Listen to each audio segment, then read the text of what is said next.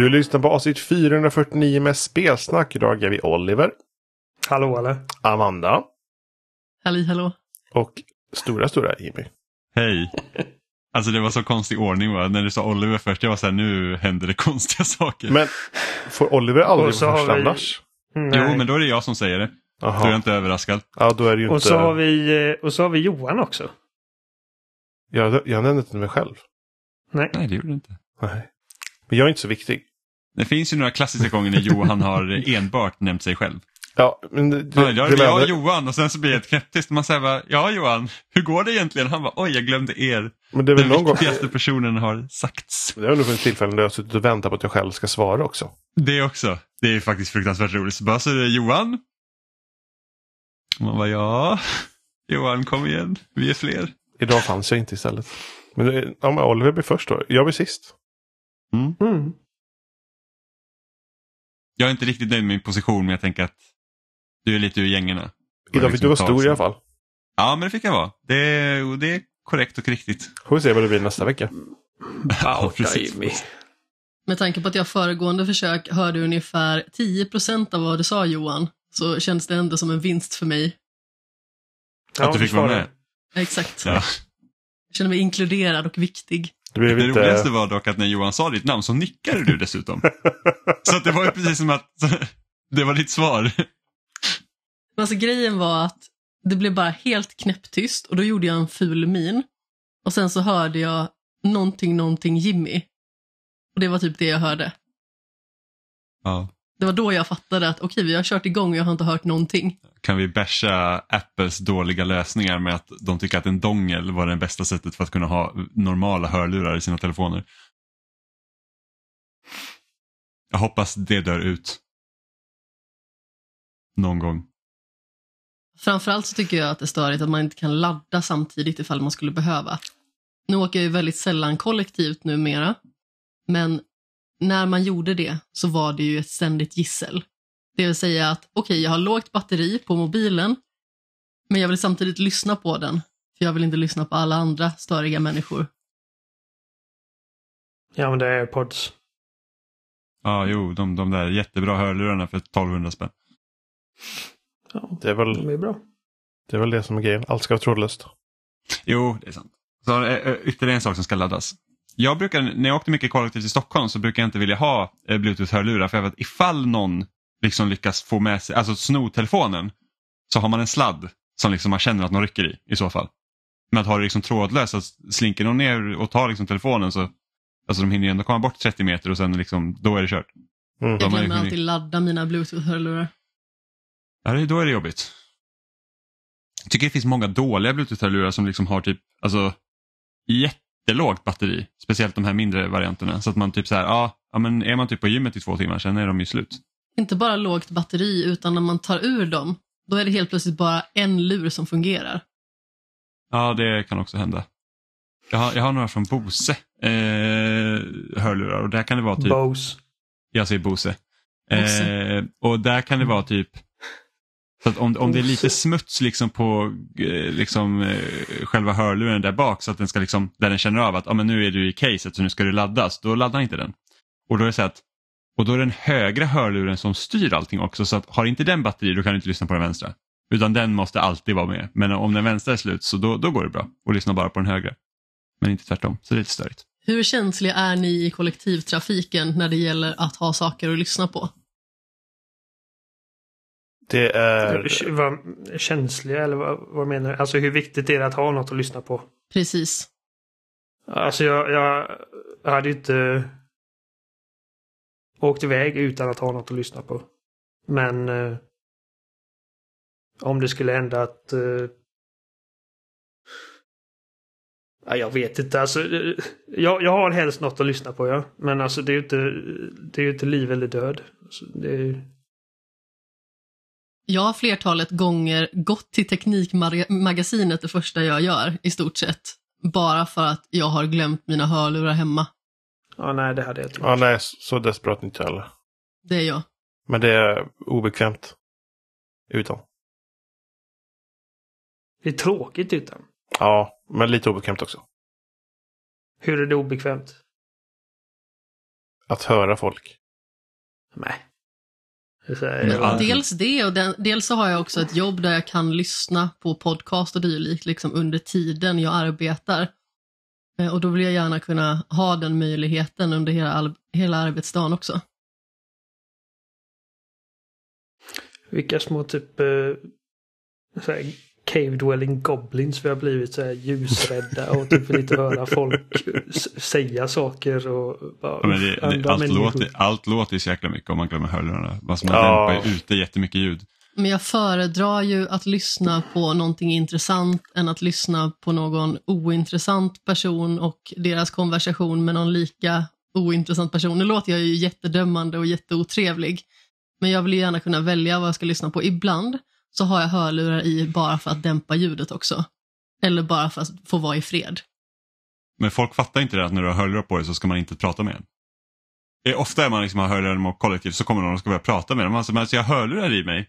Det signalerar till att jag är oanträffbar. Vad är det för folk som kommer att prata med dig? Fan- Jag vet. vad- Ja, jag undrar samma. Var bor du? Det händer aldrig. Va? Alltså det hände till och med i Stockholm när man åkte kollektivt. Så de sätter sig någon bredvid så ska de börja prata om en massa bok, hörlurar. Alltså det, det säger någonting att jag är upptagen.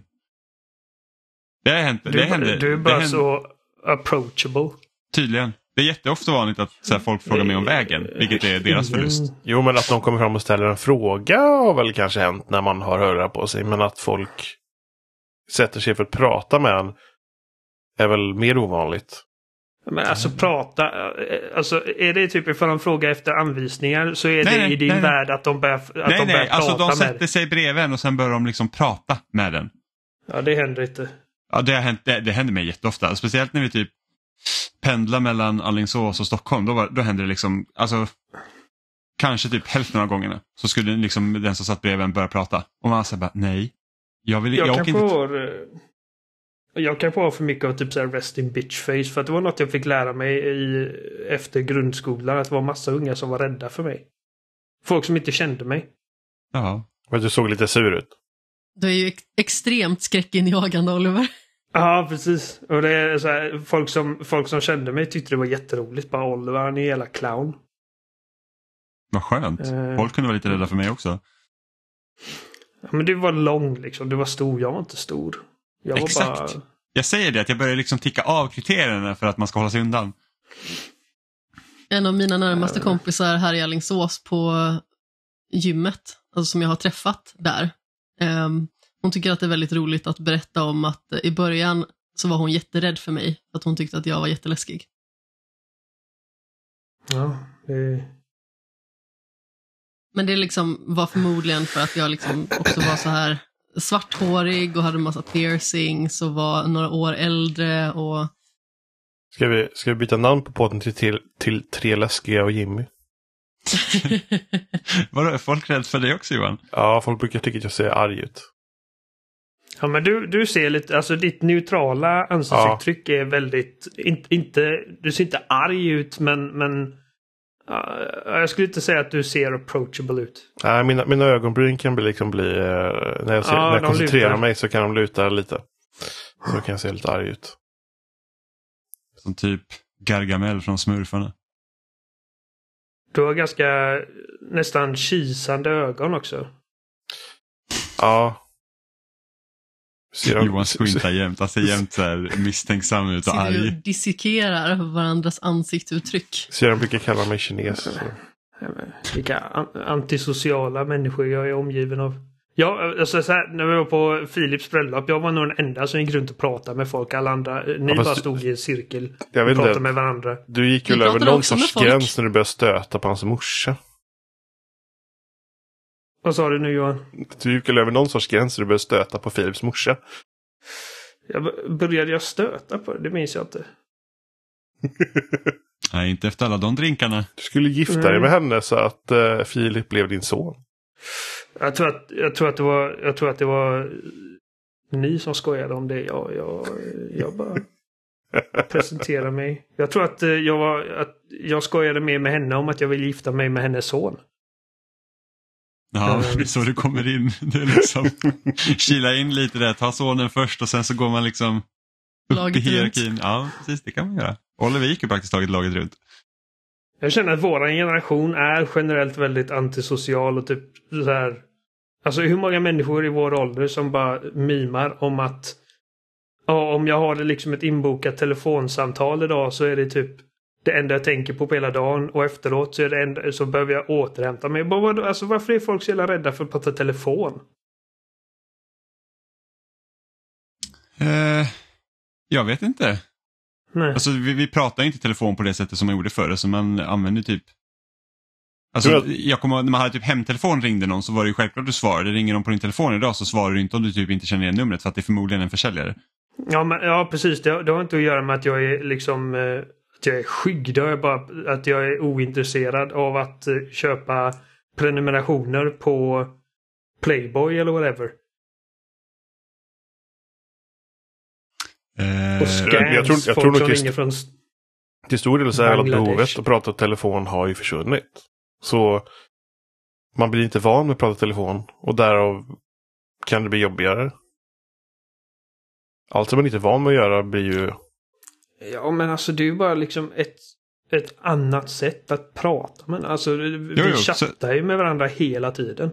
Jo, men det blir, jag tror att, jag, e- eftersom många, alltså jag känner ju typ främst er, eh, har jag liksom lärt känna via internet. Jag tyckte det var jättekonstigt att prata med er.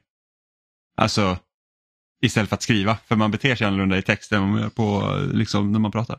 Och när man textar kan man också vara lite mer selektiv i sin svarsfrekvens. Säg att man liksom har ett jobb där man har en del möten nu för tiden. Då vet ju folk kanske att, ja men okej, jag kan inte ringa den här personen utan men då textar jag och inväntar svar istället. Um, och förr i tiden så var det ju liksom på ett helt annat sätt. Då kanske man ringde och lämnade ett meddelande eller ringde personen direkt. Nu ringer man kanske lite mer om det är någonting väldigt akut. Eller när man känner att okej, jag står i det här läget nu, jag kan inte vänta på det här svaret, jag måste ringa och fråga. Alternativt om man ska prata med någon form av support. Men i och med att det har blivit så att vi inte ringer till varandra lika mycket längre så är ju den primära eh, gruppen som ringer till en oftast försäljare. Anledningen till att jag inte svarar när jag tror att det är försäljare eller när jag har sökt mig fram till att det är försäljare, det är att jag tycker att det är ganska så jobbigt att avvisa. Och ibland så kan det vara ganska så svårt att hitta en lucka där man faktiskt kan säga att jag är ledsen, jag är inte intresserad. Och då behöver man sitta och lyssna på den här nissen som babblar på i tio minuter om det här fantastiska avtalet som kommer förändra ens liv, som man inte alls är intresserad av för att man redan har en bättre deal. Så det handlar ju liksom om sådana grejer att de här samtalen placerar en i en ganska så obekväm situation. Eh, väldigt få människor gillar att konfronteras med att avvisa eller att bli avvisad. Nej, det är Vilket klart. inte är så konstigt. Nej. Men, men hur, hur var det för er när ni liksom började prata med, alltså röstchatt vid, när ni spelade online? Alltså med kompisar i party och sånt. Alltså kändes det liksom naturligt att börja göra det eller var det liksom så här, kändes det lite eh, märkligt? Jag kan inte minnas att jag tyckte det kändes märkligt. Jag skulle gissa på att jag tyckte det kändes märkligt. Men jag kommer inte ihåg det. Jag tyckte det var så jobbigt. Jag, tyckte, jag tror jag tyckte det var ascoolt. Liksom. Jävlar, jag kan prata med folk nu över nätet medan jag spelar med dem. Jo, men alltså idén tror jag inte har varit liksom ett problem för mig, men jag, alltså, jag är liksom rätt så blyg när jag var yngre. Eh, och jag tyckte det var jättejobbigt liksom, att prata med folk som man liksom inte hade träffat det liksom kände så bra och jag var liksom livrädd för att det skulle bli den här pinsamma tystnaden. Liksom att helt plötsligt typ har man ingenting att säga, man var såhär, vad gör man nu? vad gör vi? Eh, Men det är för att man känner att den här pinsamma tystnaden liksom är ett kvitto på eh, hur stämningen är och liksom att man inte känner varandra, att man inte vet hur den andra personen ska reagera, att man liksom inte vet hur man ska kunna starta upp en konversation. Och då blir den här tystnaden olidlig och jättelång. Ja, och sen var det också, jag kommer ihåg när jag bodde hemma fortfarande, då var det så att första gången man skulle sitta i party med någon så tänkte man, men gud det är så himla konstigt liksom, att sitta och spela och sen snacka liksom så här. Eh, så jag typ stängde in mig i mitt rum och så här, stängde dörren och allting så här, så att nu vill jag vara i fred så att ingen ska höra att liksom, jag, pratar med någon när jag spelar typ. Men nu, alltså, nu är det inga konstigheter. Sen så pratar jag, alltså jag hoppar inte in i, i liksom en öppen part, liksom chatt och prata med en massa randoms för att ofta är folk så otrevliga. Så Jimmys eh, familj när de hörde dörren låsas. Antingen ska han prata med sina kompisar eller så ska han ruska tupp. Eller båda. Samtidigt. Samtidigt. Det är väldigt nära vänner. Jag tar ingen lag. Men jag kommer ihåg ett tag Oliver, så att du och jag vi spelade nästan aldrig utan att vi satt i party. Nej, va? Nej. Nej, det var typ så här 2011 däromkring. Då tror jag vi satt, då var det så att om inte Oliver var inne då var det så här, ah, men då kan jag göra något annat. Vi kan spela sen när Oliver loggat in så kan vi sitta och prata Ja, du samtidigt. menar För ja. även om vi spelade liksom separata Ja, precis. grejer? Separata spel. För det blir Ja, så ja, att, ja, men, ah, ja, jag vet inte, det känns så konstigt att spela och inte ha någon att prata med. Så att då, Ja, då typ sket jag i det. Mm. Ja, nej, men vi, alltså, vi satt ju party jämt. Ja. Jag var ganska så sen in i det där. Jag tror att liksom sitta och prata med en grupp personer och, och spela samtidigt, det gjorde jag nog kanske inte förrän jag och Jimmy blev tillsammans. Tidigare har jag kanske suttit och pratat i telefon med någon och spelat samtidigt.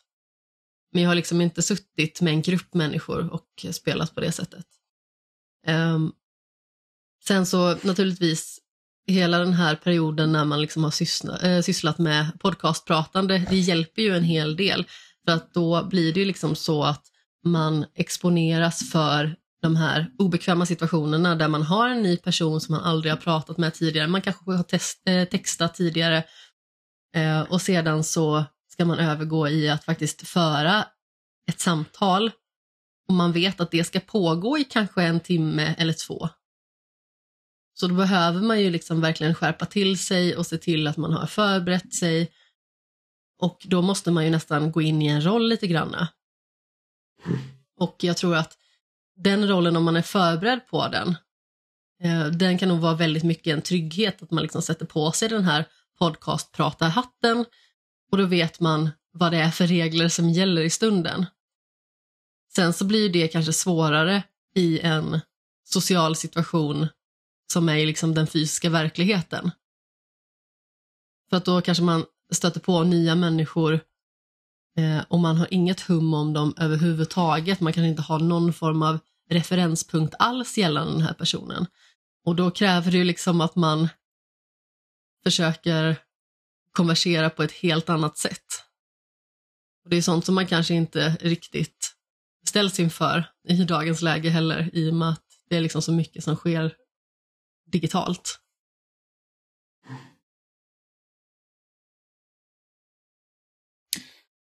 Ja. Sen så vet inte jag, alltså det var ju typ när 360 och de maskinerna kom så testade man ju väldigt mycket partychat och sånt och nu är det ju mer, alltså Discord har ju tagit över ganska mycket eh, i, liksom i kommunikation, i alla fall när man sitter mellan plattformar. Även om det säkert går, om det finns typ crossplay så kan man säkert hoppa in i liksom en allmän partychat men nu lär det ju vara liksom externa program. Är det någon av er som har testat Discord på Xboxen? Nej, men jag skulle precis Nej. säga det. Det finns ju på Xbox nu. Yes, jag undrar hur... Jag undrar om det är typ någon app som man kan se vilka kanaler man är med i eller hur det funkar det där. Men jag har inte hunnit testat. Som jag förstår det jag tror man var tvungen att öppna Xbox-appen på telefonen. Jaha, det går liksom inte att hoppa in i Discord liksom på maskinen bara? Nej, Det var lite tråkigt. tror inte det. Jag eh, ska se här. Jag har den sidan uppe. Man måste först connecta sitt Xbox-konto till Discord. Ja. Eh, och sen hoppar man liksom in i ett eh, samtal på Discord antingen då genom appen eller datorn. Uh, så här, to do this you'll need the Xbox, Xbox mobile app installed on your mobile device and your Xbox Series X or Xbox One console needs to be linked to the app so make sure you have it downloaded. Blah blah blah. First, hop in a voice channel you that like to talk in using Discord on either mobile or desktop, just as you normally would. From here, you'll now see a new option to transfer the call to your Xbox. Ah, Okej, ja, men det är väl en rätt så bra lösning för det hade varit jobbigt om någon ringer på Discord och sen så plingar varenda jäkla maskin i hela huset igång. För så är det Mm. lite idag. Det är liksom så att när någon ringer på Discord så går min telefon, min iPad och datorn går igång. Det har varit lite jobbigt när det varit så på Xbox också. Start the transfer progress eller process and the Xbox mobile app will automatic, automatically open up and let you know it's ready to connect. Finally in the Xbox mobile app, hit confirm. Känns lite som ett fulhack. Ja, det gör det. För att du lär ju, när du hoppar in i samtalet på telefonen, då kommer du liksom vara i samtalet. Alltså på en gång. Ja. Och sen mixtra efter det. Det hade nästan varit bättre om det typ var som i Teams, att man hoppar in i, ett, eller liksom i kanalen och så står det bara så här, ah, men nu är du på väg in i kanalen, vill du hoppa in med den här enheten eller vill du transfera din, ditt samtal till en annan enhet? Kanske. Jag vet inte, det kanske är onödigt för de som inte sitter på flera enheter samtidigt. Eh, men vi fick faktiskt eh, några frågor på Twitter den här veckan också. Eh, från DJC som även skrev in förra veckan, så det är roligt. Eh, och vi börjar med den första frågan så är det vilka är era mest intressanta personliga spelrelaterade vinster? Eh, och så skriver han här, jag lyckades vinna en signerad kopia av spelet Fight Crab till Nintendo Switch i en tävling på Twitter. Så har ni vunnit några spelrelaterade grejer när ni har varit med i någon tävling? Nej, Nej. Jag Jag sitter och någonting. funderar. Ja, men det har jag faktiskt gjort. Ja, Jag vann Titanfall eh, i en eh, Smash-turnering på Retroresan Meetup. Ja, men det var inte fy skam. Faktiskt. Eh, var det bara, eller bara, var det, eh, det var bara grundspelet eller? Ja, det var det. Det var alltså en fysisk kopia. Ja. Jag ångrar alltid att jag inte köpte den stora Collector's Edition till Titanfallet. När man fick den här jättestora roboten. Det, det var lite synd faktiskt. Jag tror att det var första Titanfall i alla fall. Jag är inte helt säker, jag har inte spelat något av dem. När kom Titanfall 2? Titanfall 2 kom 2017 va? Eller Ja. 2016? något av Och dem då var det inte ihåg. definitivt ettan. Ja, ettan kom 2013. 2014 kom det. Eh, Ja. Och det här ägde rum 2015. Ja, stor, alltså Titanfall var en stor del till att jag försökte få tag i en Xbox One så fort som möjligt eftersom den maskinen släpptes ju inte officiellt i Sverige förrän i september 2014. Just det, det Och sen- konstiga lansera senare grejer. Ja, ja men det var så här, vi lanserar de här länderna och sen typ en månad innan launch, bara, nej, vi kommer bara eh, lansera det i ytterligare en mindre pool av länder. Det kan ju inte sen- ha hjälpt Xbox- Xbox One alltså. Gud nej. Gud nej. Alltså det, de förlorade liksom stora marknadsandelar. Helt och hållet. Jag tror det släpptes i, var det Kanada, USA, Tyskland, Storbritannien. Och säkert några fler länder. Men det var liksom, det var väldigt få eh, europeiska eh, länder som fick konsolen. Jag tror att mitt exemplar som jag köpte var importerat från Tyskland. Mm, samma här. Eh, så innan den kom då. Och det var ju så kul för det var, det var ju massa butiker som importerade Xbox One så att du kunde ju fortfarande liksom gå in i typ Eleganten på många ställen och köpa en Xbox One även om det inte fanns officiellt i, i Sverige. Och då kunde du inte ens välja Sverige som land att du bodde i när du satte upp maskinen utan du behövde liksom, jag tror att jag tog Buckingham Palace som eh, adress och stod bodde i Storbritannien. Jag Men står det som funkade. Paget Street. Det är bara att googla Apropå på det- random adress. Apropå det här med att vinna liksom spel och dylikt. Första året som jag var med på Retroresan Meetup, det var ju 2015.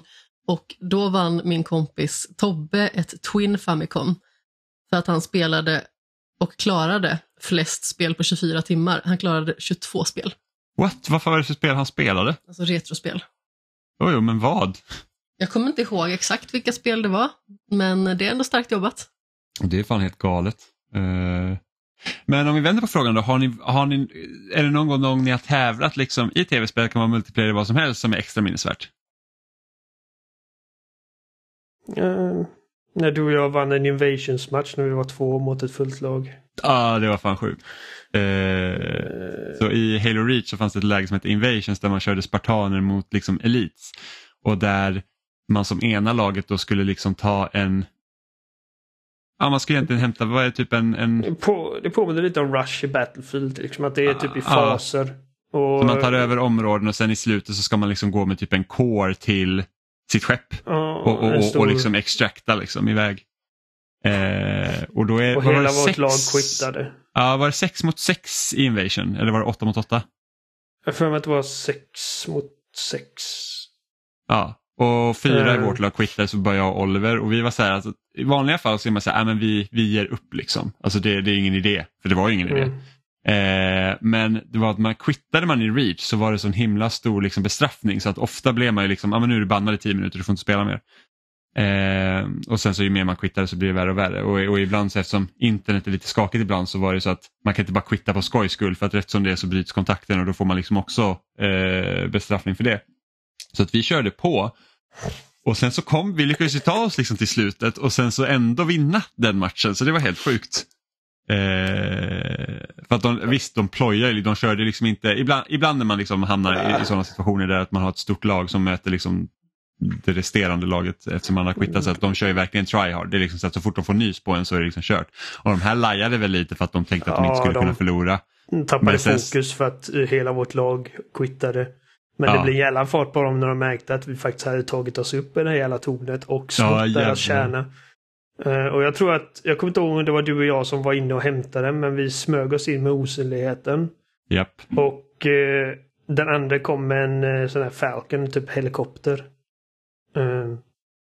Och plockade upp den ene och körde oss rätt till, ja så att ja, de, de regnade ju ner över oss från det hela tornet. När de Ja, fan. jag, jag har till och med sparat den eh, replayen på min Xbox. ja. Men annars, man har, man har haft massa olika online-matcher som har varit stenhårda och som har varit liksom, åh gud, alltså många matcher i Gears där man har fått typ slita som fan och vunnit. Men alltså jag har aldrig liksom tävlat på eh, någon turnering eller något sånt. Jag tror en gång när vi körde Bad Company 2 också så gjorde vi ett riktigt bra jobb som squad när vi liksom verkligen smög oss in i fiendebasen liksom och låg och, och tryckte för att komma åt de här jäkla eh, bombsajterna man ska spränga. Vi gjorde alltid bra jobb som squad. Vi var alltid top squad. Eller, Ja. eller uh, Battlefield 3, eh, Conquest Domination. Där vi sprang runt, runt, runt, runt, runt upp på Ah. det jävla Ja. det höghuset, den banan. Ja, gud. Alltså Domination-banan i Battlefield 3 var så himla bra. Mm. Alltså det, är liksom, det är de bästa Domination-banor jag har kört i, i alla spel. Liksom. Det, ja, för att de gjordes för domination. Japp. Sen Domination har ju varit skittråkigt i Battlefield sen dess. Det, är liksom, det funkar inte ordentligt tycker jag. Det, det blir liksom inte samma tajta spelande som det var på de banorna. Nej.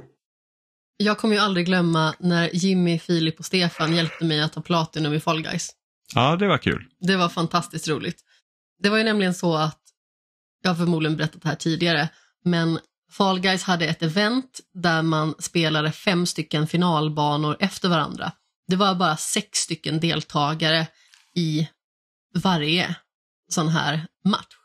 Så då var det helt enkelt att efter varje bana, alltså finalbana, så åkte en person ut. Så eh, match nummer ett så var det ju sex personer, match nummer två fem personer och så vidare.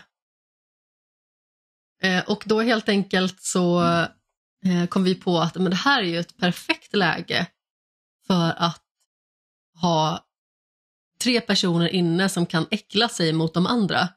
Så att jag går vidare till final varje gång och då helt enkelt har lättare att vinna. Men så kom vi också på att just nu när vi sitter och spelar är det rätt mycket folk inne. Vad gör vi då? Jo, vi byter server till Australien. För att det skulle kunna vara lite mindre folk som söker samtidigt.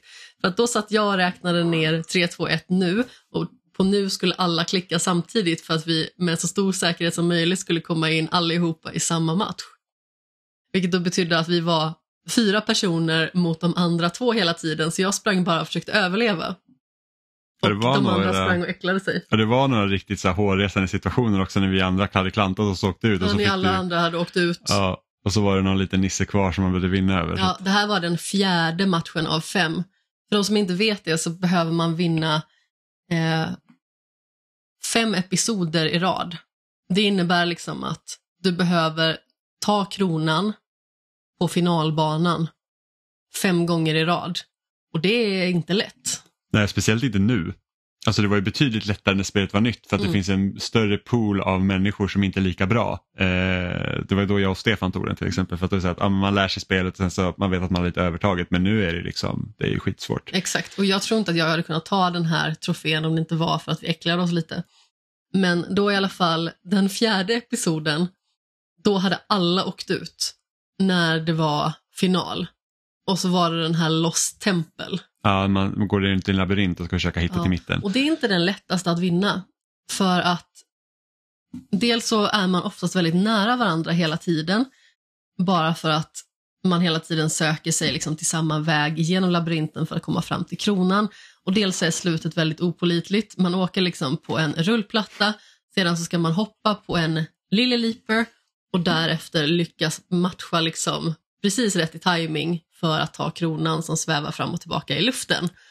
Eh, och där var det liksom att jag hoppade upp på Lille Leaper, missar, den andra hoppar upp, missar och sedan på tredje försöket eh, så tar jag den. Det var väldigt svettigt. Alltså, jag var bokstavligen svettig. Och det här var mitt i vintern.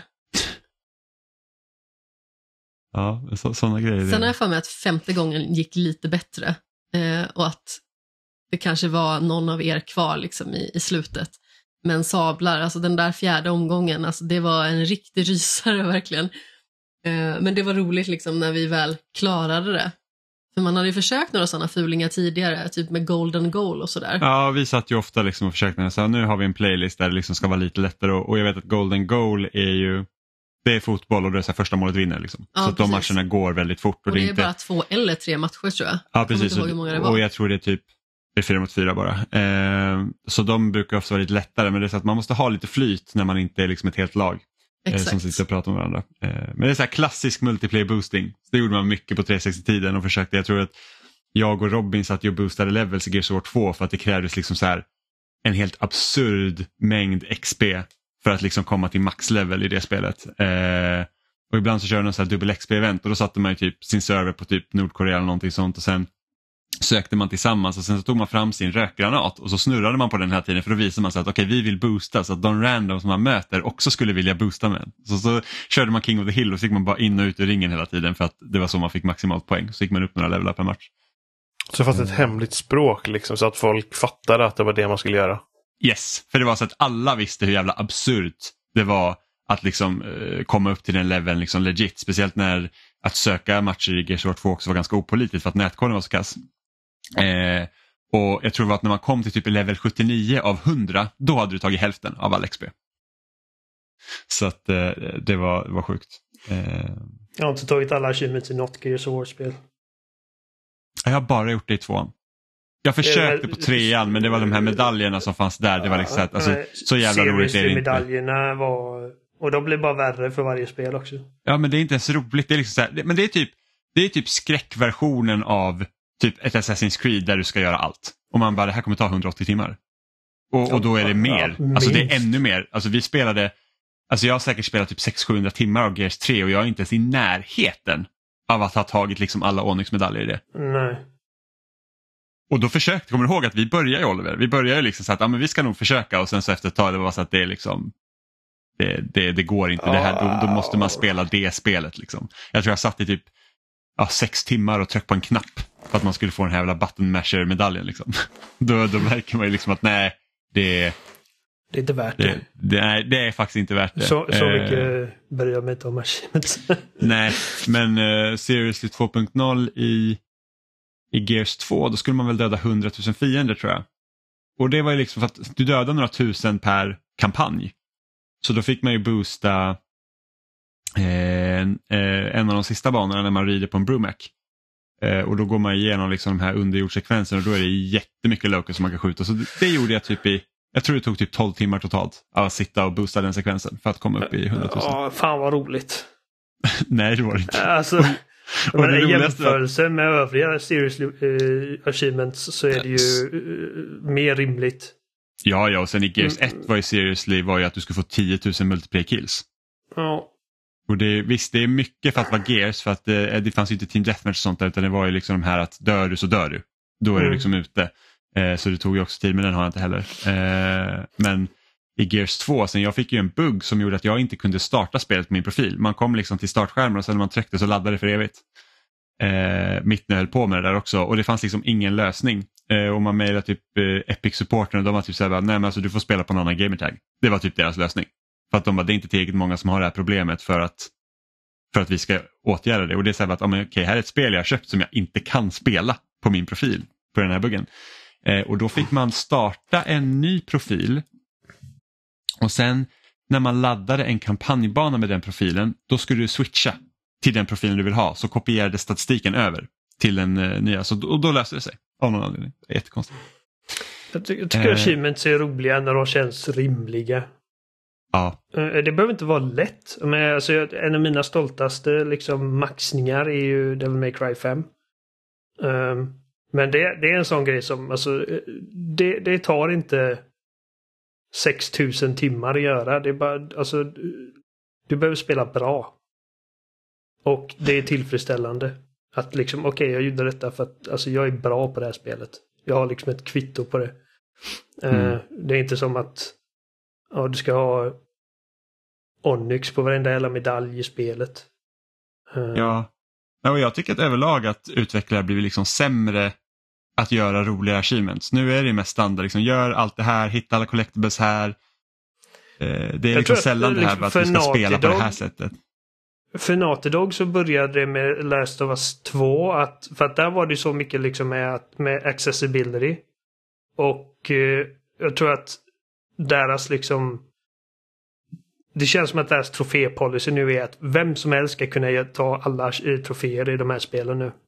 Mm. Vilket inte var liksom alls the case för The Last of Us 1 exempelvis där man behövde spela en jävla massa multiplayer. Om inte bara det, Eh. du ska spela multiplayer och så behöver du liksom vinna de här två olika säsongerna. Liksom. Man spelar på ena laget sen på andra.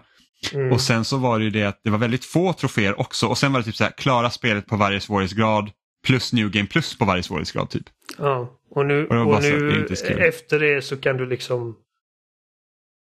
ehm, efter, alltså sen Last of Us 2 så har man liksom kunnat göra allt på lättaste svårighetsgraden med varenda accessibility option på. Mm. Eh, för att som sagt, det är liksom, alltså... Det hade, det hade ju varit lite motsägelsefullt om man lägger så mycket resurser och så mycket liksom engineering och bara tankekraft på ehm, accessibility features och grejer och sen göra att troféerna är liksom helt omöjliga att ta. Mm. Ja men det är lite som typ Cuphead. Du kan liksom, om kör du på Easy så kommer du inte till sista bossen. Nej. Det är tråkigt. Vilket jag menar, alltså jag, jag kan se... Jag kan se någon liksom göra liksom ett case för, för båda hållen. Eh, för att troféer, liksom en achievement. Bara ordet är liksom att det ska vara en achievement. Liksom. Mm. Ehm, det ska kännas som att du faktiskt uppnått någonting. Mm. Fast det är en, liksom, det är en fi- filosofisk fråga. Liksom. För, för Ja. vissa så är achievements bara någonting som man vill göra medan andra vill, liksom, tycker att om det här ska vara liksom, någonting som du kan skryta om. Ja, alltså jag gillar ju ändå hur Celeste gjorde. För där finns det ju liksom en solid svårighetsgrad som är liksom grunden. Och sen så kan man ställa in vissa saker eh, extra vid sidan om. Så det är liksom inte att du väljer en specifik svårighetsgrad, liksom lätt, medel eller svår, utan där kan du ju liksom skräddarsy lite granna efter din egna förmåga. Jag tycker ändå att eh, det är ett fint sätt. Eh, och säg, säger någonting om själva spelet och dess tematik ändå. Liksom har det här, du Platinum i eh. Celeste? Ja, det har jag. Eh, det var inte lätt va? Det var det inte. Nej, och jag det, fick det är eh, i någonting som du... slutändan faktiskt, eh, jag kommer inte ihåg vad det var jag ändrade på, men det var någonting jag i alla fall fick eh, lägga till. För att jag skulle Ja. kunna ta sista biten, för det var eh, väldigt svårt. Men det är ändå någonting som du känner, ja men det, det är jag ganska stolt över att jag gjorde. Eller? Men framförallt så blev väldigt nöjd med att det här är ett av mina absoluta favoritspel och här får jag liksom en maximerad upplevelse.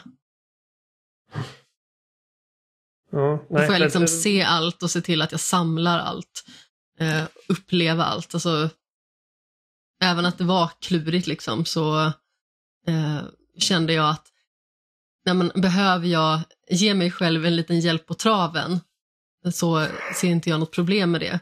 Det är ju samma sak liksom nu när jag spelat The Last of Us Part 1 och Part 2. Det är inte precis som att jag känner att jag vill spela på en svårare svårighetsgrad bara för att, utan att kunna spela på medel eller lägre. Alltså det är ju väldigt skönt. För att det jag framförallt vill det är att uppleva berättelsen en gång till. Eh, och att man inte behöver ta troféer som är bundna till att man spelar på en svår svårighetsgrad. Jag tycker det är så frigörande. Eh, jag vet ju att Jimmy hela tiden kastar kottar på mig för att han säger att jag är inte så dålig på videospel som jag utger mig för att vara. Men eh, det känns väldigt skönt liksom att man behöver inte tänka på den biten utan man kan gå runt och utforska och man kan samla allting för det är väldigt mycket samlande och samtidigt så behöver man liksom inte tänka på att det behöver vara äckligt svårt samtidigt. Eh, precis som jag nämnde förra veckan tycker jag liksom att det känns väldigt trösterikt att kunna bara följa en lista, se vad man behöver göra och sen bara plocka allting. För jag tycker att det har bidragit med så otroligt mycket mer värde. För att man vet ju liksom att det finns vissa sekvenser som kanske är lite klurigare. Nu är ju inte The Last of Us ett jättesvårt spel, men vissa segment där man liksom möter mycket clickers eller eh, de här eh, stora äckelfienderna som jag inte kommer ihåg vad de heter just nu. Bloaters. Bloaters, precis. När man möter dem, alltså då är man ju inte tuff. Eh, Jag är tuff. det är inte jag. Jag känner mig eh, jättemesig och jätteliten och eh, eh, att känna att okej, okay, vill jag ta Platinum så ska jag behöva ta de här på svårare svårighetsgrader. Alltså det hade inte gått. Det hade krävt så himla mycket tid och energi av mig och det har känts väldigt frigörande liksom att bara kunna få se världen. För att jag har aldrig utforskat den här världen så noggrant som jag har gjort nu.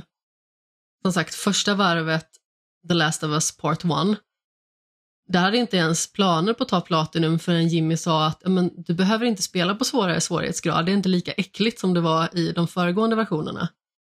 Eh, men då fokuserade jag ändå på att försöka samla så mycket som möjligt. Men nu är det liksom bara att gå runt och samla allting Eh, och se alla saker. För att det är liksom en så spännande värld och det finns ju liksom så många korn och fragment av den tiden liksom som var innan det här utbrottet.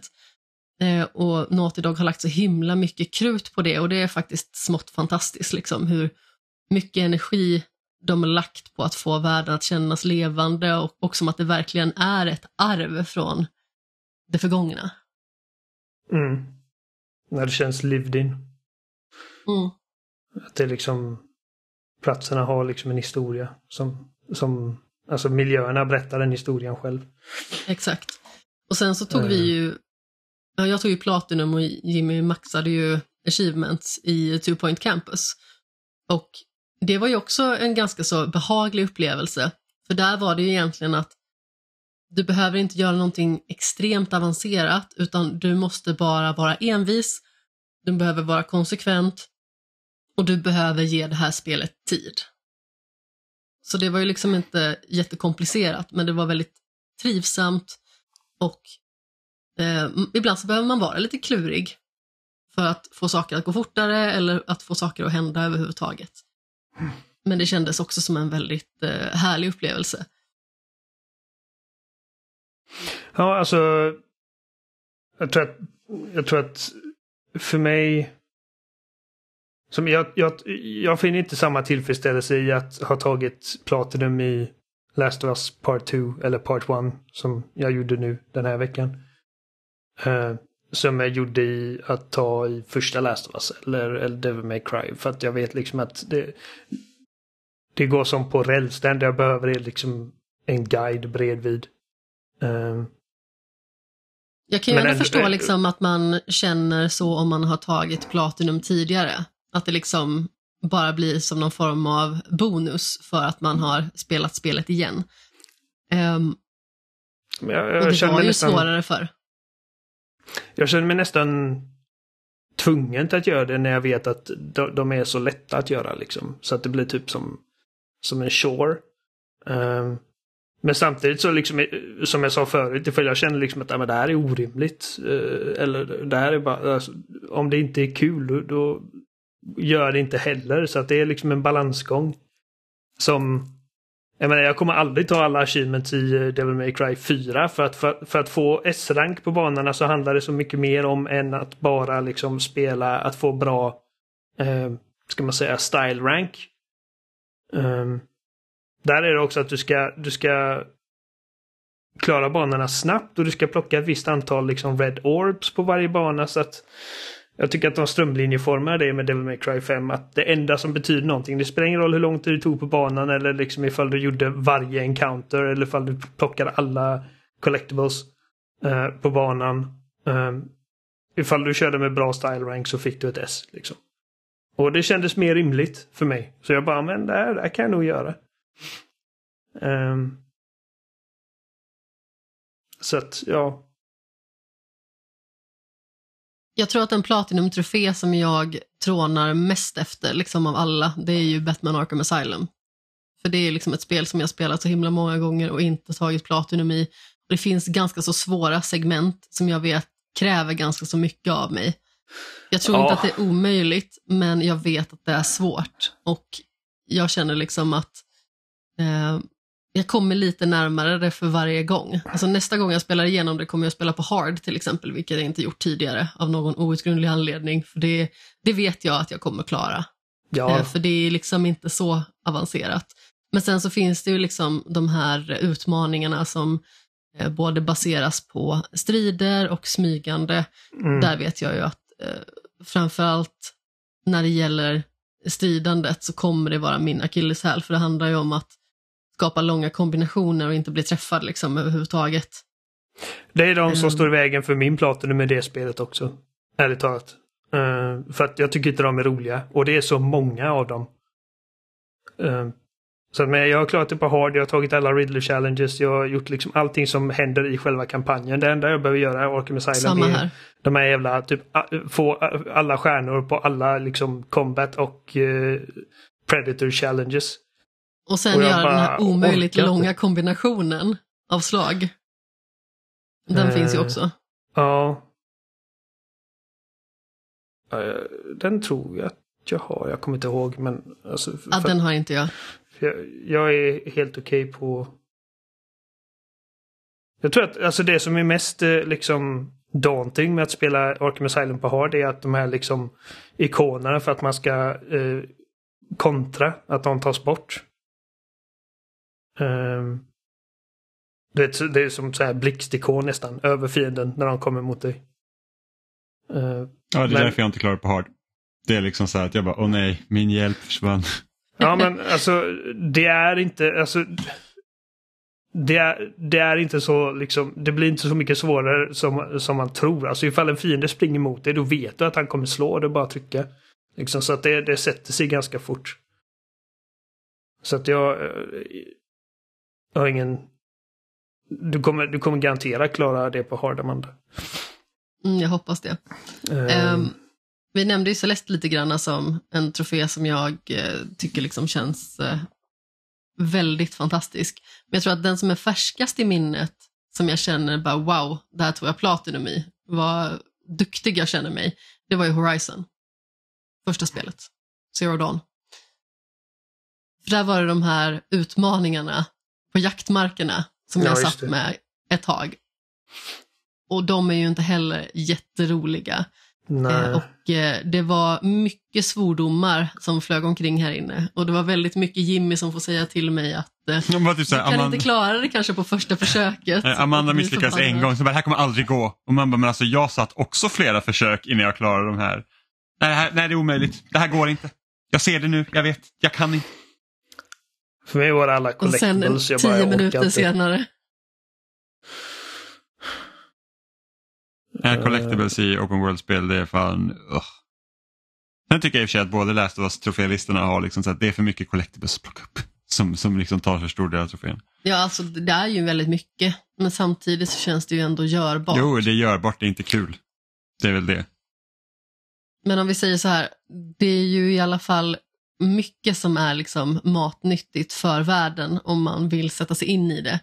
Till skillnad från vissa spel som typ är, ja men gå och samla den här nöten här borta och sen eh, samla 500 nötter till. Min Det känns liksom så ju... substanslöst. Min pet peeve är ju som du säger substanslösa, eh, liksom bara meningslösa collectibles. Last of Us har ju som att, jag, liksom, att hitta artefakter och lappar som liksom förrikar storyn och och eh, de här liksom training manuals som gör att du får nya skills och, och allt sånt. Liksom det, det, det är kul att göra. Och, och de här safes och skit. Men de jävla Firefly pendants. Det är typ, det är som kaffetermosarna i Alan Wake. Det är liksom helt meningslöst. Fortfarande kvar en jävla kaffetermos någonstans. Hur många termosar behöver man? Hun- Hundra. Ja, jag vet, men alltså hur många behöver man eh, realistiskt? Jaha, ja, varför varför, precis. varför Ja, plockar man på sig alla de här jävla kaffetermosarna? Ja, jävla Låt dem vara. en jävla hoarder. Han Ja, tappar bort sin termos jämt. ja. Tänker jag att det, de behöver hela tiden en ny. Ja, vidrigt är det. Så, men, Eh. i, I Uncharted-spelen finns det ju liksom så här meningslösa collectibles men det är i alla fall roliga modeller liksom. Alltså typ mynt och eh, så här, artefakter och det är inte bara att det är samma jävla pendant med olika namn på. Ehm, Nej, precis. ja. Alltså visst, den kanske inte är jätterolig heller. Men samtidigt så finns det ju något form av värde i det. I Om man vadå? liksom ser till världen. Pendants? Ja, Ja, alltså det, det insinuerar okej, här har Fireflies varit och dött liksom. precis. Ehm, men... Men jag har ju hellre, jag har hellre trophies och achievements där typ såhär, ja men typ sätt en pil eh, i huvudet på två klickar samtidigt än att jag ska liksom ränna runt och hitta massa collectibles. Alltså så här lite roligare grejer. Så här, typ, Den typ sån här, ondskefullaste jävla trofén i hela Last of Us Part 1 var att man inte skulle high-fivea Ellie. eller hur? Så Vad är det för- Ja det är fan vidrigt. Och sen men vi, eh, då laddade man om sparfilen sen. Man gick förbi den och sen så laddade man om och så tog man high-fiven. Det var ju så jag gjorde och du bara Ja. ditt monster.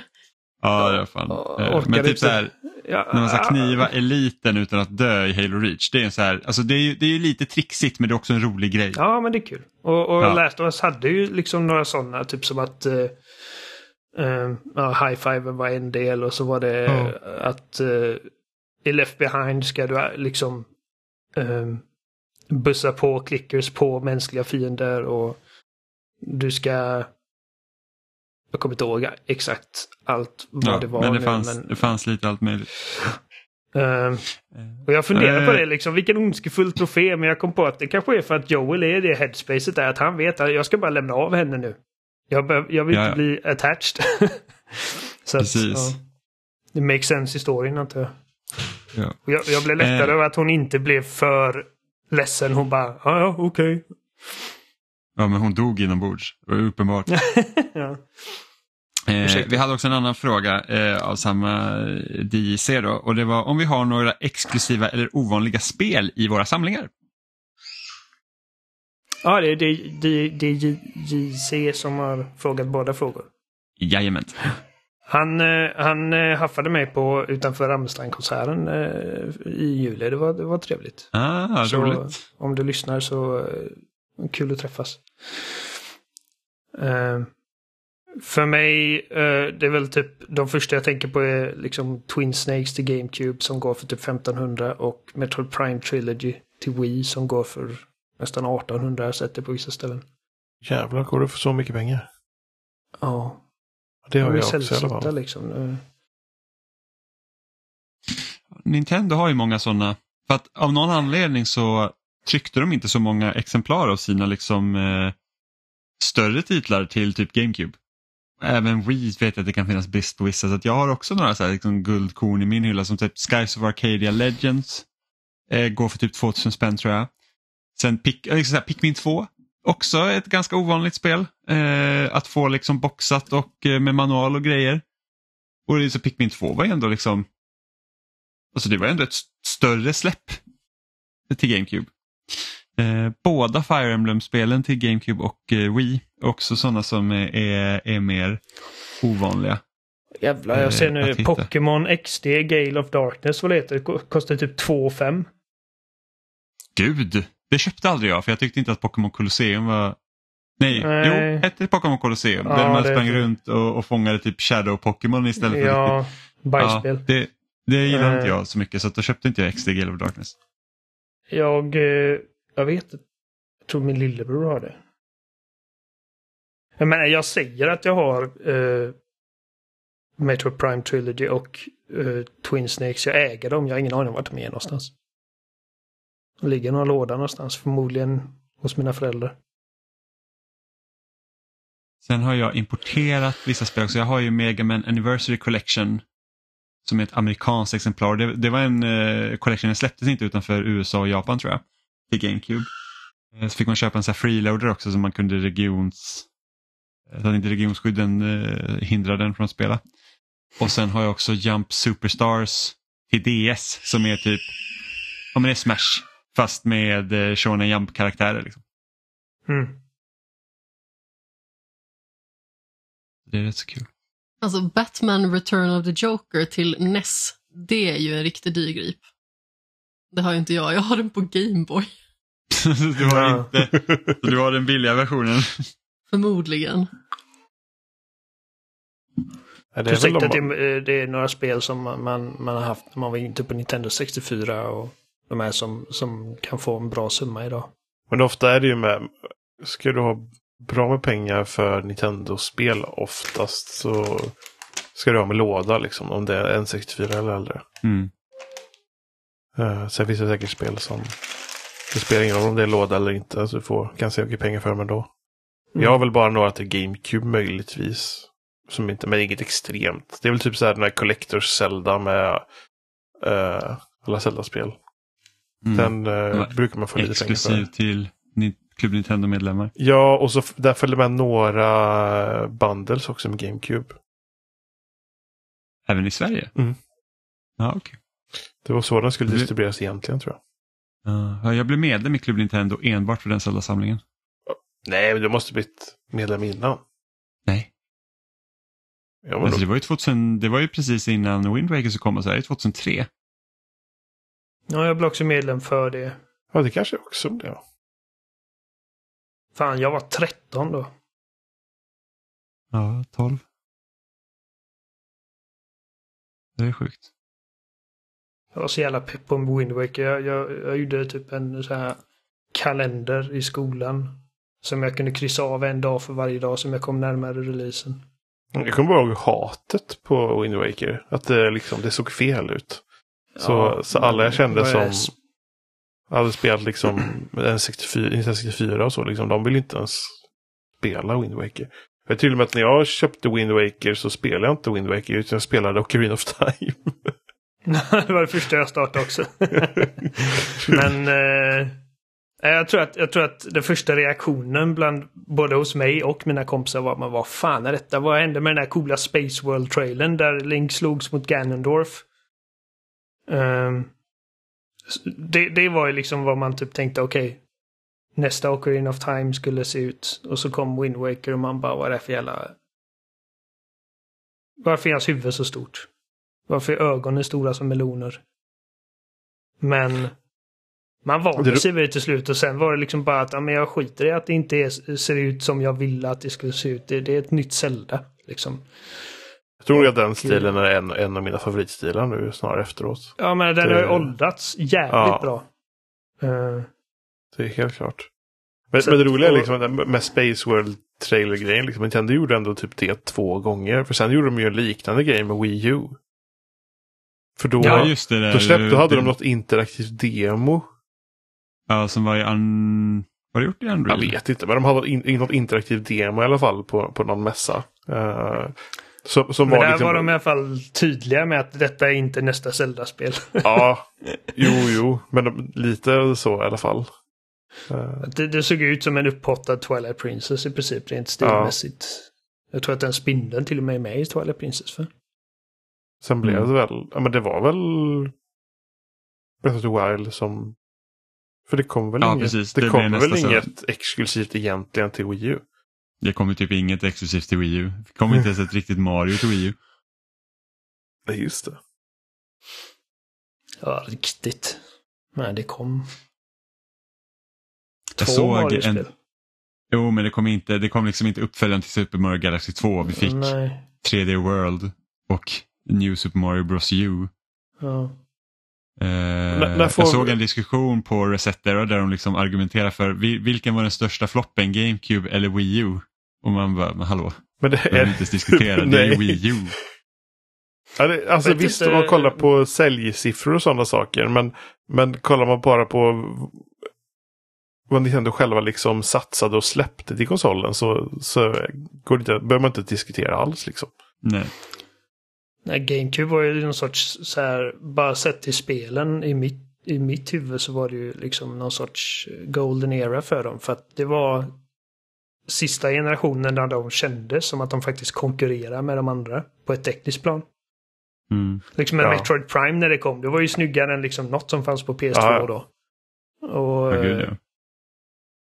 Ja, det är verkligen sista liksom, gången de har konkurrerat på ett tekniskt plan. De har ju inte Ja. haft den hårdvaran. Då hade de liksom hårdvara som på vissa sätt var bättre. Sen hade de ju problemet med att de hade ett lagringsmedie som var typ inte alls lika stort som vanliga DVD-skivor och sånt. Så där hade de ett problem. Mm. Men, eh, men annars var det liksom en ganska biffig liten kub. Men jag vet inte, sålde, sålde Wii U mer än GameCube? Nej, nej, nej. Kan GameCube sålde väl runt 22 miljoner tror jag och Wii U sålde väl 13. Ja, Ja. men då är det ju inte så Och då mycket får man ju att, också- att diskutera. Nej. Liksom. Alltså, Nej, men så räknar man också bort det för att liksom, Nintendo hade ju, via varje konsol så hade Nintendo gått ner, alltså från NES till eh, GameCube så liksom försäljningen rasade för varje liksom, ny iteration. Medan när Wii U kom då gick de alltså från Wii till Wii U. Ja. Det liksom gick från en maskin som sålde typ 102 miljoner till någon som sålde 13. Det är jättestor skillnad. Och, då, och sen så hade de även DS som är, den sålde väl typ 130 miljoner eller någonting sånt. Och sen gick det till 3DS som fortfarande var väldigt populär men tappade ju väldigt stora andelar till mobil. Så att du, liksom, du, du gick från att ha Wii DS var liksom de två starkaste liksom spelparterna under de åren de liksom existerade till att gå till Wii U och 3DS som båda var så här att oj, vi tappar liksom marknadsandelar. jag tror inte det bara är mobiltappet heller. Jag tror det är att de, de gjorde konsumenter förvirrade med namnen. Både med Ja, Wii U mycket- och med 3DS. Mycket möjligt. Men samtidigt så varenda DS-version sålde ju skitbra. Ja, för det var ju DS. fort- Jo, men, ja, jo, det är sant. Men 3DS kunde ju vara som en ny DS Ja. då.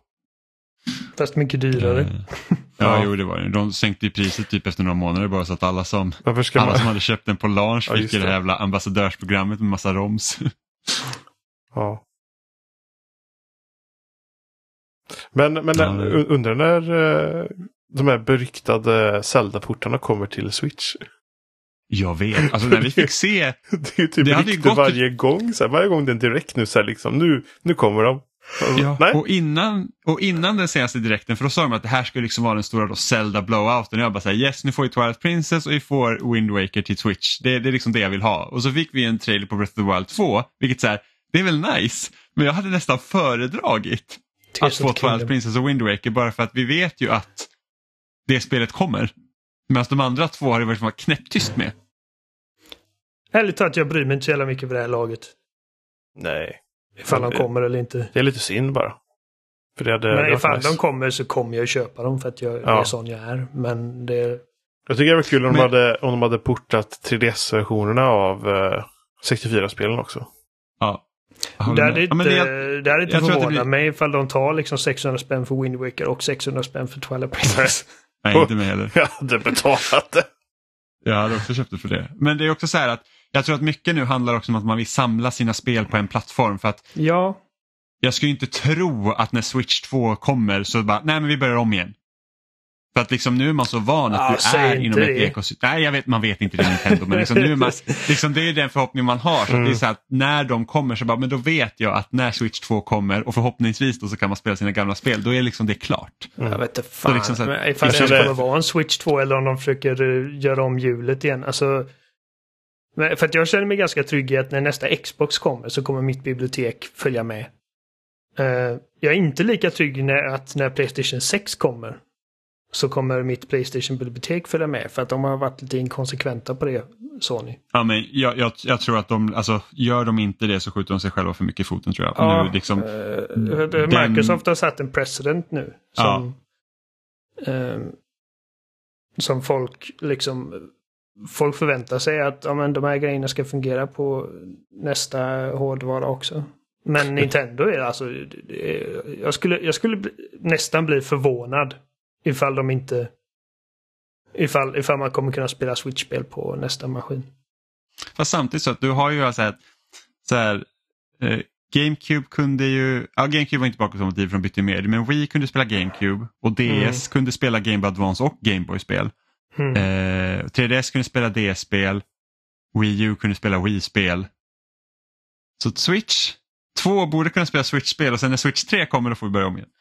Ja, men om det blir en Switch 2 att nästa konsol vi får se från Nintendo är liksom okej, där är en bärbar slash hemkonsol hybrid precis som Switch. Den använder fortfarande liksom kassetter bla bla. Då, ja, men då, då kan jag säga att liksom, då kommer det förmodligen vara bakåtkompatibelt. Men sen är det liksom vad är nästa Nintendo-konsol?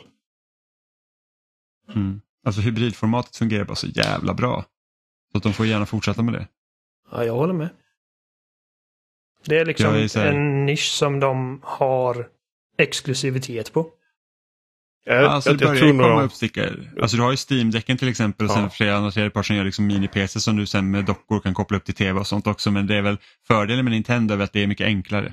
Du Mm. behöver liksom inte hålla på och trixa och sånt men alltså de måste ju hålla sig på tårna. De kan liksom inte bara tro att nästa Switch säljer automatiskt på grund av att det är Switch. Jag tror, ja, jo, jag tror det nog att det Nintendo brottas med är nog att hur får vi folk att köpa den nya när den kommer?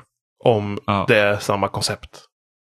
Eh, Den får vara en ordentlig liksom, uppgradering Ja. i, eh, i hårdvara bara. Liksom att okej, kolla hur spelen ser ut på den här. Liksom. Det kan vara därför som OLED-versionen till exempel inte hade några andra fördelar än skärmen. Mm. Nej, men, men den, den är ju helt värdelös. Alltså bokstavligen helt värdelös för någon som mig som spelar mest på tvn. Och det, Det, det är inte vet- ofta jag spelar. Men det är ganska självklart, hade de gjort en som var lite kraftfullare och var lite bättre så hade det blivit svårare att göra det stora hoppet när de kommer med nästa. Absolut. Eh, Så det är, nog, det är nog säkert någon sån orsak som de har. De, eh, Tycker det är rätt skönt att de släppte att, att OLED-skärmen eller OLED-versionen bara är en skärmuppgradering. För då kände jag mig inte tvungen liksom att åh, måste jag köpa en ny Switch. Då kunde jag liksom bekvämt säga men den är inte för mig. Har varit så nära på att klicka hem den flera gånger. Ja, jag kan tänka mig. Du är en riktig... Du ska bara köp, köp, köp. Jo men det har alltid kommit till en punkt liksom att men jag spelar sällan bärbart, jag behöver liksom inte ha den. Och nu har jag en Steam-däck till och med som täcker ganska bra liksom det bärbara spelandet. Steam Deck hade varit nice om man hade haft massa pengar över. Den är skitnice Johan. Så kan man remote-playa Xbox och Ja, det, Playstation 5. nej, nej, det är ingen idé. Det funkar så jävla dåligt och det är aldrig i livet. Nej, det beror på vilka spel det är. Alltså jag kan sitta i sängen och sen remote-playa typ rollspel och lite sådana grejer. Jo. utan, utan liksom att känna att det, man förlorar någon kvalitet. Jag har även kört lite månspelande också vilket fungerar liksom bra på vissa titlar. Men jag har försökt med Halo Infinite. Liksom så här att remote play och då måste man nästan sitta bredvid för att det ska fungera optimalt. Jag, te- Eh, jag, sen testat, så- jag har testat sån cloud play på, på datorn och det sitter ändå liksom trådat och det, det funkar sådär alltså. Ja. Men eh, det är ändå nice att den liksom, möjligheten finns. Speciellt ut när man körde om en Two Point Campus. Då var det ju så att ja, men det här är bara ett strategispel, liksom, man kan pausa och göra hur man vill. Då var det skitnice att köra på Steam-däcken och så kunde man använda touchskärmen. Så behövde man inte ens använda knappar och sånt. Så det var, det var, det var trevligt. Men Steam-däcken är nice. Men det är lite mer pill. Liksom. Nu när vi spelade Half-Life-spelen så var det så att då fick man gå in och kolla så här Ja, kontrollerna. Så att okej, men jag vet inte om jag vill ha gyron på den här gången och så får man liksom ställa om så att oj nu fungerar inte bilen riktigt som jag ville, då får man ställa om knapparna på det och lite sånt. Det finns, alltså du kan modulera kontrollverktygen så himla mycket men det är lite Det är lite konstigt det att de inte har ändå lagt lite tid på att fixa så att deras egna spel funkar Jo, men perfekt. de, de har bra, men det var så att jag gick in och sa bara, jag vill inte ha gyro och trackpad aiming på för de kommer jag inte använda så att då vill jag liksom bara köra med stickorna så att det inte blir så att man typ vrider lite på skärmen och sen så vrids styret. Men då hamnar liksom typ bilen så att då styrde man den med styrspakarna så att jag gasar och bromsar på den samtidigt som man ska styra och det funkar jättedåligt så då behövde jag liksom mappa om lite. så.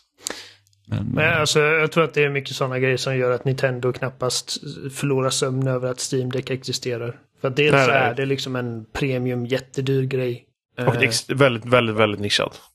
Ja, och ja, så är det. Men jag, men jag eh, tänker, det, liksom kommer inte fler att- konkurrenter som tittar på den lösningen. Jo, så, så. Men, men just, när, just Steam Deck tror jag att de inte behöver vara oroliga för. Eh, Nej, nej, men det tror inte jag heller. Men det är liksom så att det är kul att det sker utveckling inom det området så att det inte bara är Nintendo. Ja, ja. För att då liksom så att även om det så att visst, de hade knappt någon aning om vad PSN och Xbox Live var heller när de typ utvecklade Wii U så att det, man vet ju aldrig med dem men det är liksom det, liksom, de kan inte bara släppa en, en, en, en ny Switch som ska vara starkare och sen typ inte göra någonting med. Men Jag hoppas att de förbättrar Joy-Conceptet. Och faktiskt skulle ju Logitech skulle släppa en Switch-liknande konsol. Mm. Fast den är bara för molnspel egentligen då. Ja, Eh, och det är, ju, det är ju någonting att kunna se Nintendo gå att de slutar med fysisk Det- media överhuvudtaget Slutar de på, på en med... uppföljare. Ja, Ah, de, nej, nej, nej. eh, Kör de något molnspelsskit då kan de dra åt... Ja, inte, molnspel men alltså du, så här, nedladdning only Ja, om man så vill. ja. Eh, Så att de liksom så här, att nu är det inga kassetter, nu är det liksom den här maskinen är helt digitalt. Eh, det tror jag inte kommer Eh, hända. Kanske inte nästa switch men maskinen Men- efter det. Men för att då, okej vad händer med bakåtkompatibilitet då? Liksom, måste du köpa Ja, ja. om alla dina Switch-spel? Ja, all- alla, alla, alla fysiska spel ja. Jag tror. Ja, jag vet inte. Vi får se. Men det, kan inte vara många år innan vi får se nästa Nintendo-konsol. Nej, Switch. Switchen är ju gammal nu. Nej, Det blir Ja, sex år fem nästa år. Och de, sex. Nintendo brukar ju ligga på femårscykel. Liksom. Det känns som att Zelda-spelen hamnar helt fel. För det. Alltså Zelda-spelen kommer vid konsolbyte. Mm. Det är vissa som, eh, som tror det. Att, att nästa Switch kommer med Tears of the Kingdom. För det, är- det är ju liksom både Twilight Princess och uh, Breath of the Wild. Hamnar ju till exempel. Tror du det Jimmy? Nej, det jag tror inte. Det tror inte jag heller. Det känns som att, eh, alltså... Att det, vad var det? Det var maj va? Ja, I 13. så fall hade vi hört någonting om nästa Switch i så fall. Ja, jag, ja, jag känner också att vi borde liksom ha hört någonting. Frågan är om Mm. de medvetet gör det att det, liksom, det verkligen blir det sista. Så om det kommer i maj. Sen kanske de har någon Nintendo Direct runt där E3 brukat vara. Och sen så kommer det en ny konsol någon gång efter det.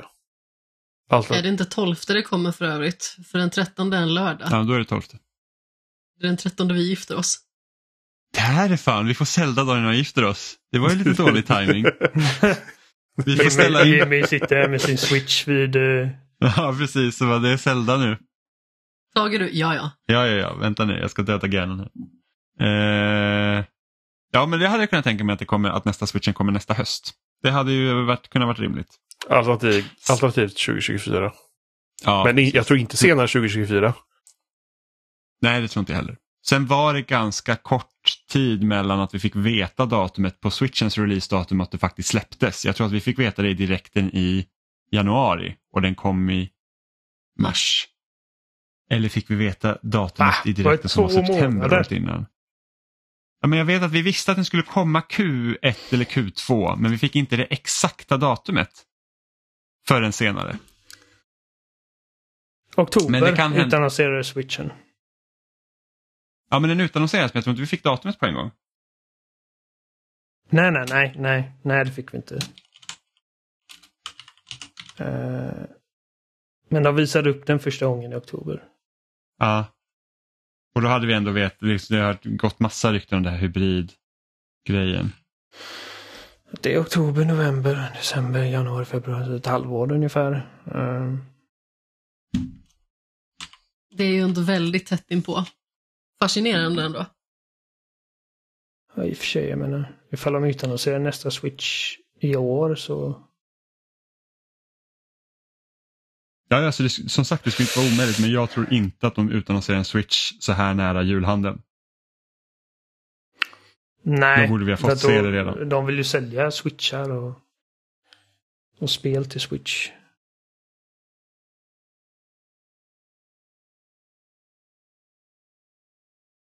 Så att det, ja. Nej, det är faktiskt, det, förlora, liksom, mars, att- eh, mars 2017 stod det faktiskt i första trailern. Så att det, det var mars. Men vi fick nog ett eh, specifikt datum i januari tror jag.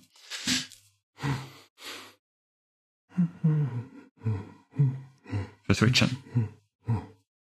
Så hoppas visst, ni de kan- på, alltså, eh, hoppas ni på att det är liksom, alltså i princip exakt samma konsol fast förbättrad? Liksom alltså Bättre hårdvara. Ja, alltså starkare, bättre skärm, eh, bättre joycons.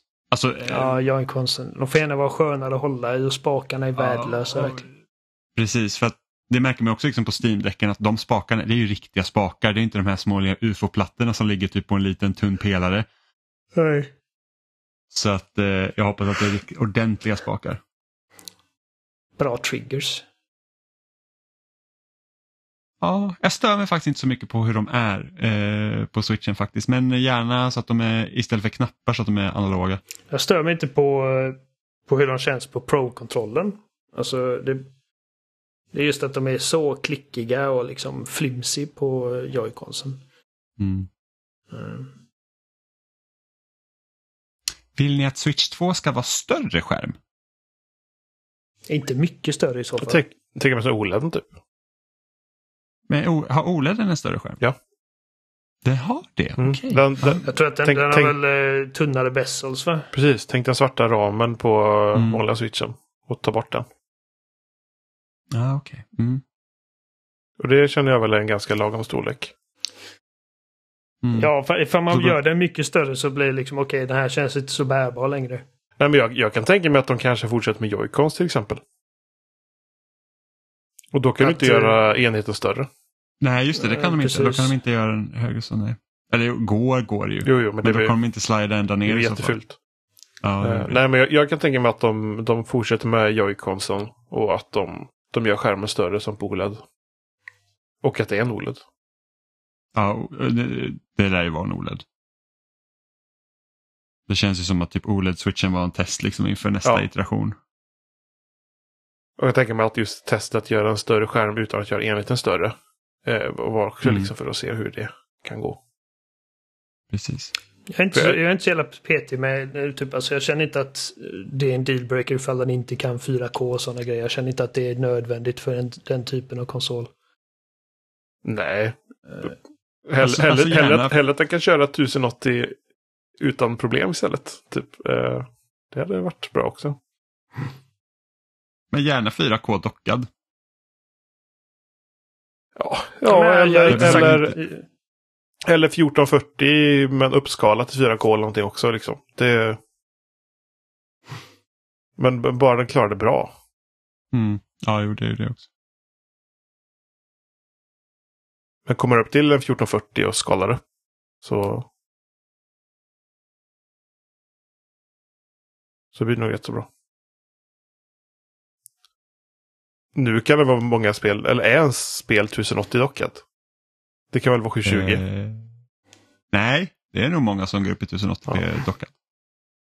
720 är den nu begränsad till för Bärbart. handhållet ofta. Nintendos spel brukar väl ligga på 1080. Sen Ja, när man det. typ Doom. Då, då går det ner lite. Eller Witcher. Det är ett fascinerande att, att Doom har släppts till Switch. Ja, verkligen. Ja, så tittar man på så här, It takes two. Det såg ju för jävligt ut. alltså det såg verkligen ut som alltså, typ karaktärernas, alltså det var så odetaljerade karaktärsmodeller att det var så här, ah, ser ut som gröt.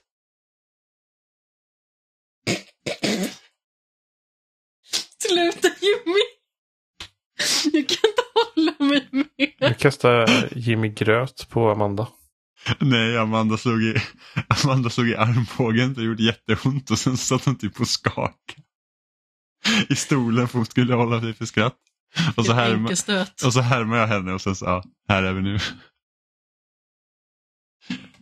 Jag tror väl detta var det vi hade för, för veckans avsnitt. Jag tror inte vi har så Ja, mycket ja. mer.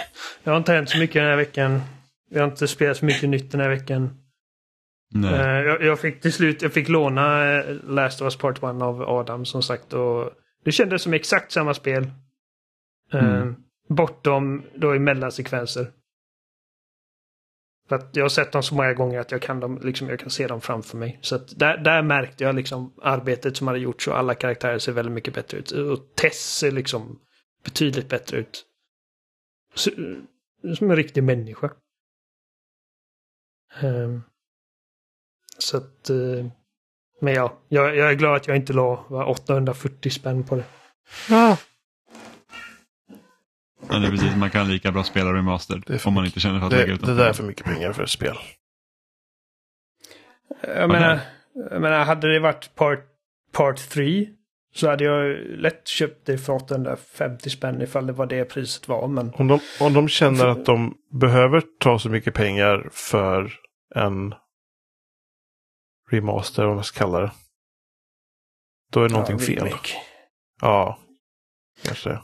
En extremt trogen remake. Det är typ som eh, den här remaken de gjorde av Hitchcocks Psycho som är en shot for shot remake med nya skådisar i princip. Eh, för jag vet att folk har liksom jag vet att det har de- debatterats om ifall det är rättvist att kalla detta en remake. Jo, för att det det är är det liksom nog. samma spel. Men alltså by definition är det en remake. Ja, ja, det är en Eh, remake. det Alltså, är liksom inte att det de har precis som- tagit eh, liksom exakt samma assets och grejer och bara liksom eh, filat upp uppdat bilduppdatering och eh, och upplösning. Det är liksom helt nya assets, nya karaktärsmodeller och det är nya system. Liksom bak, Ja. bakliggande system. Så att det... För det är liksom stor skillnad på remake, alltså part 1 och remastered-versionen till PS4. Absolut. Så att alltså... Rent Det- utseendemässigt. Men sen är det liksom när folk tänker remake så tänker de grejer som Resident Evil 2. Som det är liksom en remake men det är också en reimagining. Liksom. Ja. Och Men detta är inte en reimagining, det är bara en remake.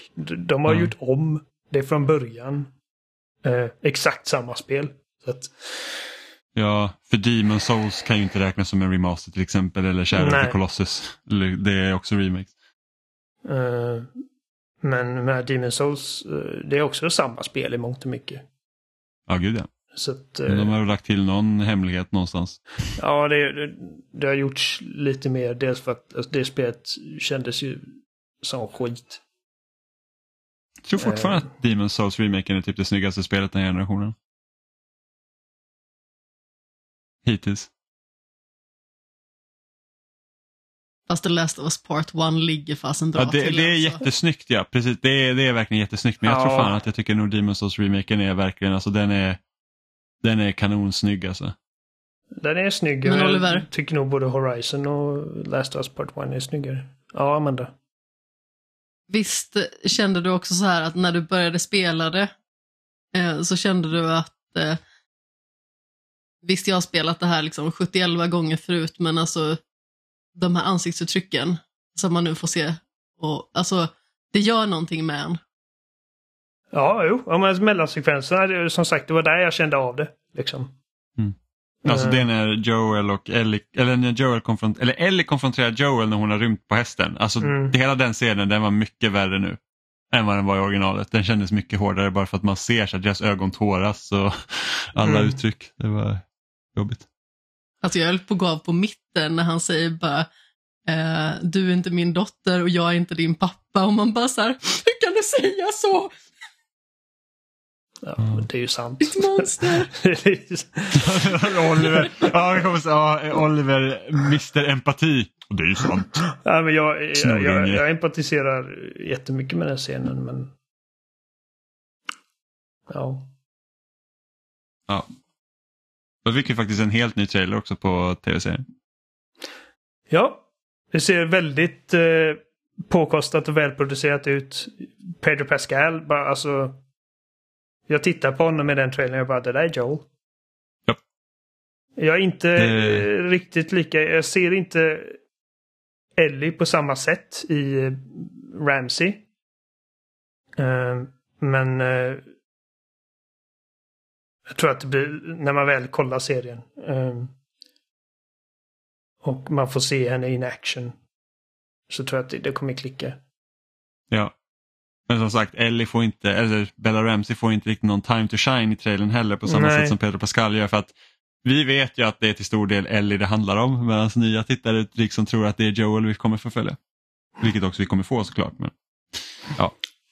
Nej, nej, det ser, jag menar, man såg typ eh, Boston, den här skyskrapan som har typ vält in i den andra skyskrapan. Som såg exakt ut som i spelet. Och vi fick till och med se tv-spelsgraffiti på väggarna. Att alla målar liksom, alla sprayar på väggarna för att se vad de tycker och tänker. Är det så klassisk tv-spelsgrej för att ge lite mer kontext till världen? Ja, jo, men alltså. Ja, men det är rätt så roligt. Tänk hur många, hur mycket graffiti jag ser bara i Göteborg. Folk som säger Ja, typ, ja, fuck precis. the police. som- Ja, eller skriver penis. Det är liksom, det är inte typ så här bara sever their heads. liksom. Jag ser fram emot att se liksom, hur serien skiljer sig, för jag hoppas att den gör det. Att liksom, Ja, ja, den gud, står du på har egna ju, ben.